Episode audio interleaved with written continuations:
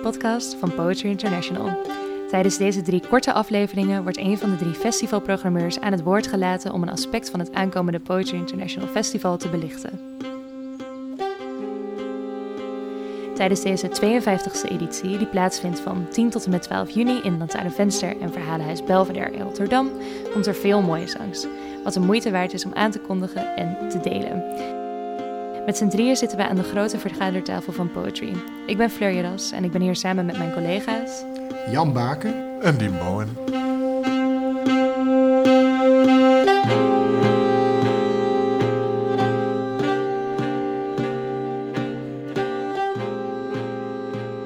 Ik ben Fleur Jeras. Ik werk als programmeur voor Poetry International. Um, dit jaar is het, uh, het festivalthema van poetry is uh, a body as in of poetry. Dus het lichaam uh, als poëzie, het lichaam in poëzie, een lichaam van poëzie. voor een uitleg over dit, dit mooie en veelomvattende thema kun je luisteren naar een andere, andere aflevering van deze, van deze mini-podcast, geleid door mijn collega-programmeur Jan Baken. Maar uh, in deze aflevering zullen we een, een soort subthema of, of iets dat heel natuurlijk naar boven kwam bij het selecteren van dichters en het verkennen van werk uh, behandelen, namelijk het, het vrouwelijk perspectief in de poëzie die we tegenkomen tijdens het festival en ook het perspectief van de verschillende vrouwelijke dichters die we hebben, die we hebben uitgenodigd.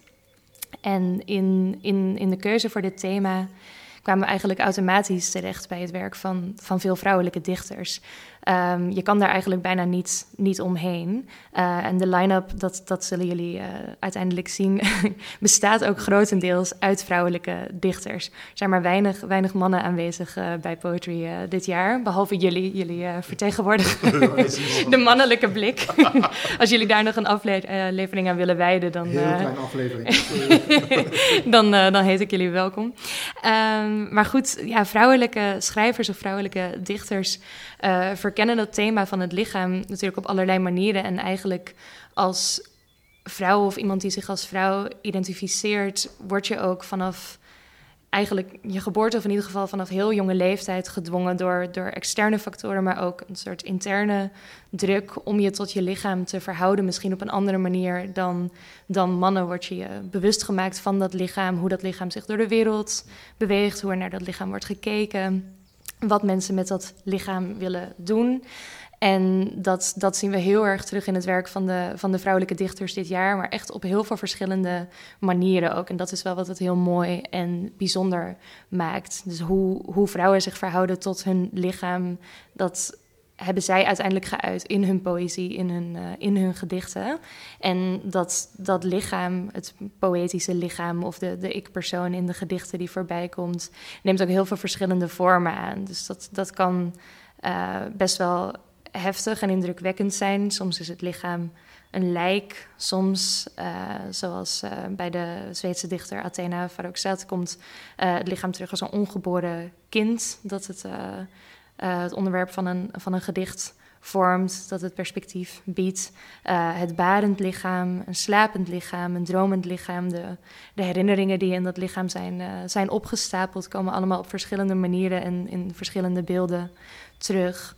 En dat is heel fijn en bijzonder om te zien. En in de keuze voor, voor de dichters die, die terugkomen in het festival hebben we dus ook gelet op heel veel verschillende soorten perspectieven. En als als Poetry International wil je natuurlijk een soort een wereldfestival zijn. Wil je verschillende uh, perspectieven bieden, ook verschillende achtergronden. En we hebben dit jaar um, nu nou ja, de pandemie niet ten einde is, maar de pandemie in ieder geval weer mogelijkheden biedt, hebben we ook heel groot gedroomd. Het was ook heel erg leuk om op zoek te gaan naar dichters uh, uit alle windstreken, om onszelf daar niet in te beperken, om mensen te vragen om ja, die lange reis te ondernemen naar Rotterdam om hier op het podium te komen staan. Ja, precies. Maar en dat gaat ook over wie, welke ideeën, welke werelden wil je met elkaar samenvoegen of samenbrengen, met elkaar in gesprek laten gaan.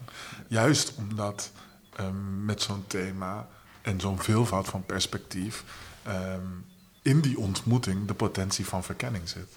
Ja, zeker. En dat, dat zie je bij deze dichters ook heel erg terug. Want uh, wat betreft dat vrouwelijk perspectief, of ik kan het eigenlijk ook wel een feministisch perspectief noemen, omdat de meeste vrouwelijke dichters op dit festival dat ook wel op een bepaalde manier vertegenwoordigen. Maar die, die vrouwen zijn afkomstig uit uh, verschillende generaties, verschillende landen.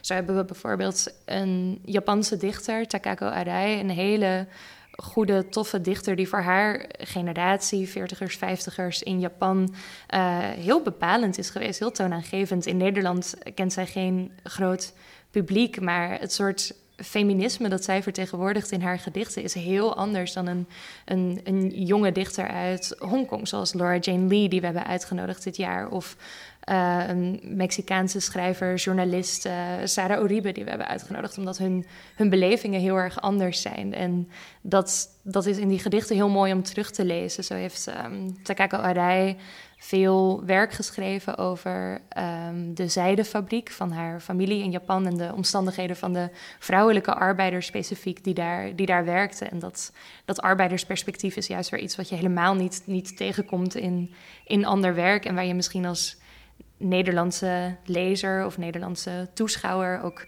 zelden mee, mee bezig bent. En dat is juist een van die verrijkende dingen die je tegen kunt komen. Maar zeker als zij in, in gesprek gaat met iemand anders tijdens het festival, uh, kan, dat, ja, kan dat opbloeien. En, en dat is heel erg tof. Uh, sommige, sommige dichters die we hebben uitgenodigd zijn al ietsje bekender in Nederland, andere niet. Sommige zijn Nederlands. Misschien ook goed om uh, de, de, de, Hollandse dichters te, te, benoemen die ons festival zullen versterken. Uh, zo hebben we uh, klassiekers als, uh, als Eva Gerlach. of iconen, kan ik iconen. beter zeggen. Oh, ja, een icoon als Eva Gerlach staat op het podium dit jaar. Uh, Marjolein van Heemstra, de huidige stadsdichter van, uh, van Amsterdam. Sascha Jansen. En, en ook zij vertegenwoordigen een heel interessant vrouwelijk perspectief in hun gedichten. Zeker die, die laatste twee dichters, ik noem Marjolein en Sascha... Um, schrijven. En ik had, ik had het daar met, met Jan nog over vanochtend. Uh, dat het interessant is dat zij bijvoorbeeld heel direct en heel open en ook grafisch schrijven over, uh, over geboortes en over zwangerschap en over baden. En ik vraag me ook af. En ik heb dat nog geprobeerd bij Jan te polsen, omdat hij ietsje ouder is dan ik. of, um, of dat iets is wat vroeger misschien helemaal niet mocht als vrouwelijke dichter. Of dat iets is wat je helemaal niet wilde beschrijven, omdat je bang was dat je dan niet serieus zou worden genomen. Ja, precies. Ik denk, ik denk dat dat absoluut iets zegt over het huidige culturele paradigma. Dat, dat uh, absoluut gaat over uh, hoe breek je open wie, welk verhaal mag vertellen. Omdat je, je kan verhalen van bijvoorbeeld uh, baren, dat wist je niet uit. Maar toch is daar dan in een breder soort cultureel, uh, uh, cultureel idee daarvan...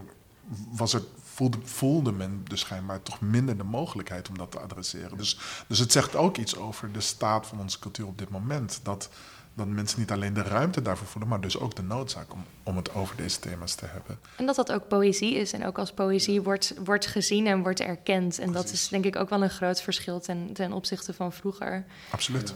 Het spectrum lijkt ook veel breder geworden, hè, denk ik ook. De manier waarop je met het lichaam omgaat.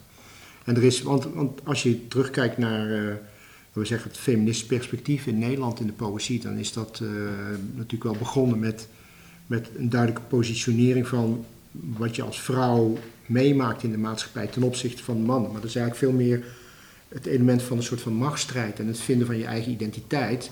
En dat is in zichzelf, dat, eh, dat, dat was ongelooflijk waardevol en heel inspirerend.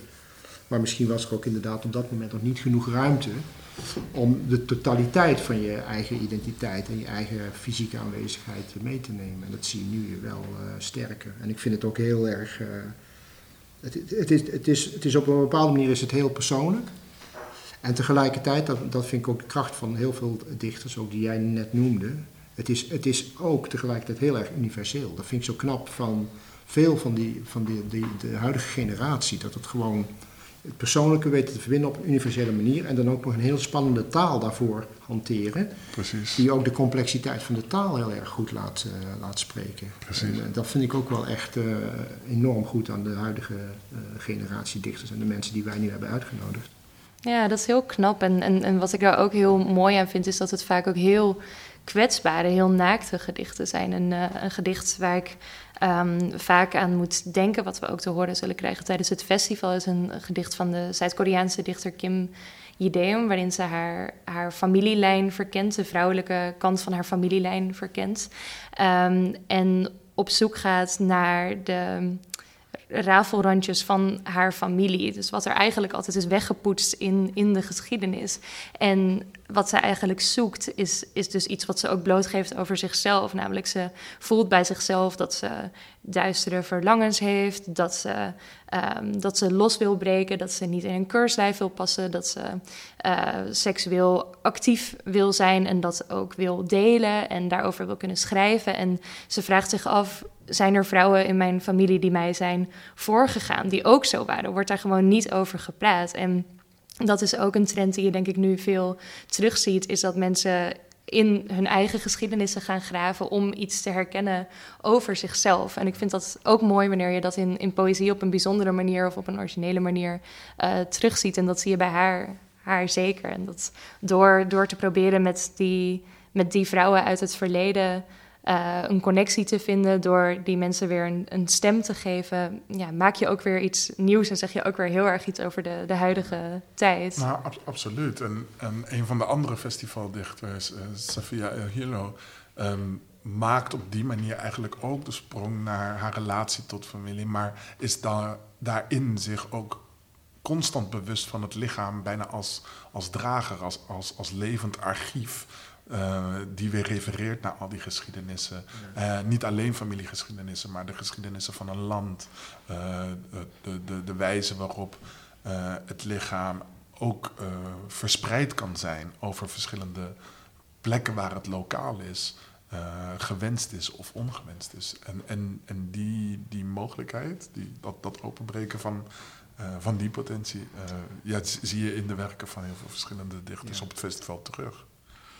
Ja, ik denk, ik denk dat dat ook echt dat het bijzondere performances gaat opleveren en ook bijzondere gesprekken gaat opleveren. Want iets wat voor ons een heel belangrijk uitgangspunt was, was dat als we al die mensen met die verschillende perspectieven en achtergronden gaan uitnodigen, dat we ze zeker ook aan het woord gaan laten om precies die verhalen te vertellen. Want wij kunnen natuurlijk onze eigen interpretaties vormen van wat wij lezen en wat wij daar interessant aan vinden vanuit onze eigen blik. Maar wat het belangrijkste is natuurlijk, is dat wij die verhalen ook echt verteld horen, horen worden. En dat is iets wat tijdens het festival ook, uh, ook zeker gaat gebeuren en waar ik heel erg naar, naar uitkijk.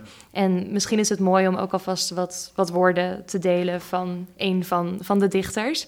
Um, ik heb een gedicht uitgekozen van, van Sarah Uribe, de Mexicaanse dichter die ik eerder noemde. Maar het is wel, het is vrij gruwelijk. maar dat vind ik ook belangrijk. Het, zijn, het zijn niet allemaal hele beschaafde of makkelijke of uh, zalvende gedichten. Dat is juist niet. Maar onze relatie tot, tot ons lichaam is inherent complex, is inherent meervoudig. En daarom is het denk ik juist van belang dat, dat, een, dat, dat een dichter als Uribe um, deze kant van onze relatie tot, uh, tot onszelf uh, kan, ja. kan belichten. Ja, en ook iets wat wij, denk ik, in Nederland niet zo vaak binnenkrijgen is... Nou goed, er zijn natuurlijk zoveel landen in de wereld dat het je duizelt wat er allemaal gebeurt. Maar de, de situatie in Mexico van de, de verdwijningen van mensen ja. die achterblijven in in de woestijn, die in greppels worden gedumpt, die nooit meer worden teruggevonden, maar die ook een stem verdienen. Uh, dat, dat zijn mensen die in de gedichten van Sarah Uribe ook een, een, stem krijgen. En voor context in haar bundel Antigona González, waar ze een deel uit zal voordragen tijdens het festival, gaat de hoofdpersoon op zoek naar haar verdwenen broer Tadeo. En daar, daar gaat dit gedicht ook over. Het heeft geen titel. Eén, de data en de namen zijn het allerbelangrijkst de naam meer nog dan het kaliber van de kogels. Twee, voor een monitor gaan zitten. In alle online kranten naar rampberichten zoeken. De herinnering bewaren aan degenen die zijn gestorven. Drie, onschuldige en schuldige tellen. Huurmoordenaars, kinderen, soldaten, burgers, burgemeesters, migranten, verkopers, ontvoerders, politieagenten. Iedereen tellen. Iedereen noemen om te zeggen: dit lichaam zou het mijne kunnen zijn. Het lichaam van een van de mijne om niet te vergeten dat al die naamloze lichamen onze verloren lichamen zijn. Ik heet Antigona González en ik zoek tussen de doden naar het lijk van mijn broer. Punt. Ja. het is nogal een afsluiter. Ja. ja. Maar het is ook, nou ja, en dit is nog maar één klein stukje uit, het, uit die ongelooflijk indrukwekkende bundel uh, van, uh, van Sarah. En ze neemt je mee op al dit soort overwegingen die hierin zitten. En verdiept dat en laat dat zien. En ik vond het ook wel, bij het lezen daarvan, vond ik het ook wel...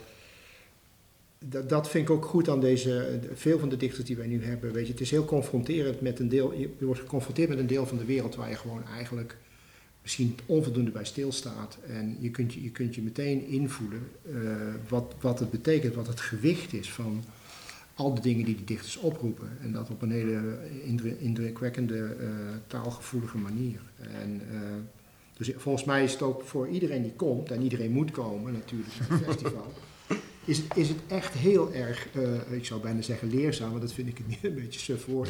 Maar het is gewoon echt heel belangrijk om van deze, deze stemmen kennis te nemen. Zeker. Ik denk dat je daar echt heel erg veel van opsteekt, ook over jezelf en over de werkelijkheid en over de, de positie van de mens in deze wereld. En uh, dat is alleen maar fantastisch. Ja. Ja. ja. Het, het, het, het is allemaal werk dat je forceert een, een houding aan te nemen. Waarbij je geconfronteerd wordt met uh, hoe niet vanzelfsprekend het eigenlijk is Ja. om in dit lijf te zitten, om in de omstandigheden te verkeren waarbinnen je verkeert, maar je dus ook langs die lijn te kunnen verhouden tot de ervaringen, de perspectieven en de werelden van anderen. Uh, en in die zin denk ik uh, dat de constellatie aan dichters die we dit jaar of voor het festival hebben uitgenodigd, um, hele, hele potente nieuwe werelden aanbieden waarbinnen we ons kunnen navigeren. Ja, ik denk, ik denk zeker dat de ingrediënten daarvoor aanwezig zijn. En ja, uiteindelijk is dat natuurlijk ook je diepste wens als festival. Je, je, je kiest al die mensen en al dat werk omdat je hoopt dat het, dat het ingrijpend is, dat het effect heeft op mensen, wat het ook op mij heeft. De eerste keer dat ik een lezing zag bij Poetry en nog vele lezingen daarna, dat je gewoon tollend op je benen de, de zaal verlaat. En dat, dat, wens ik ook, uh, dat wens ik echt iedereen toe. Ja.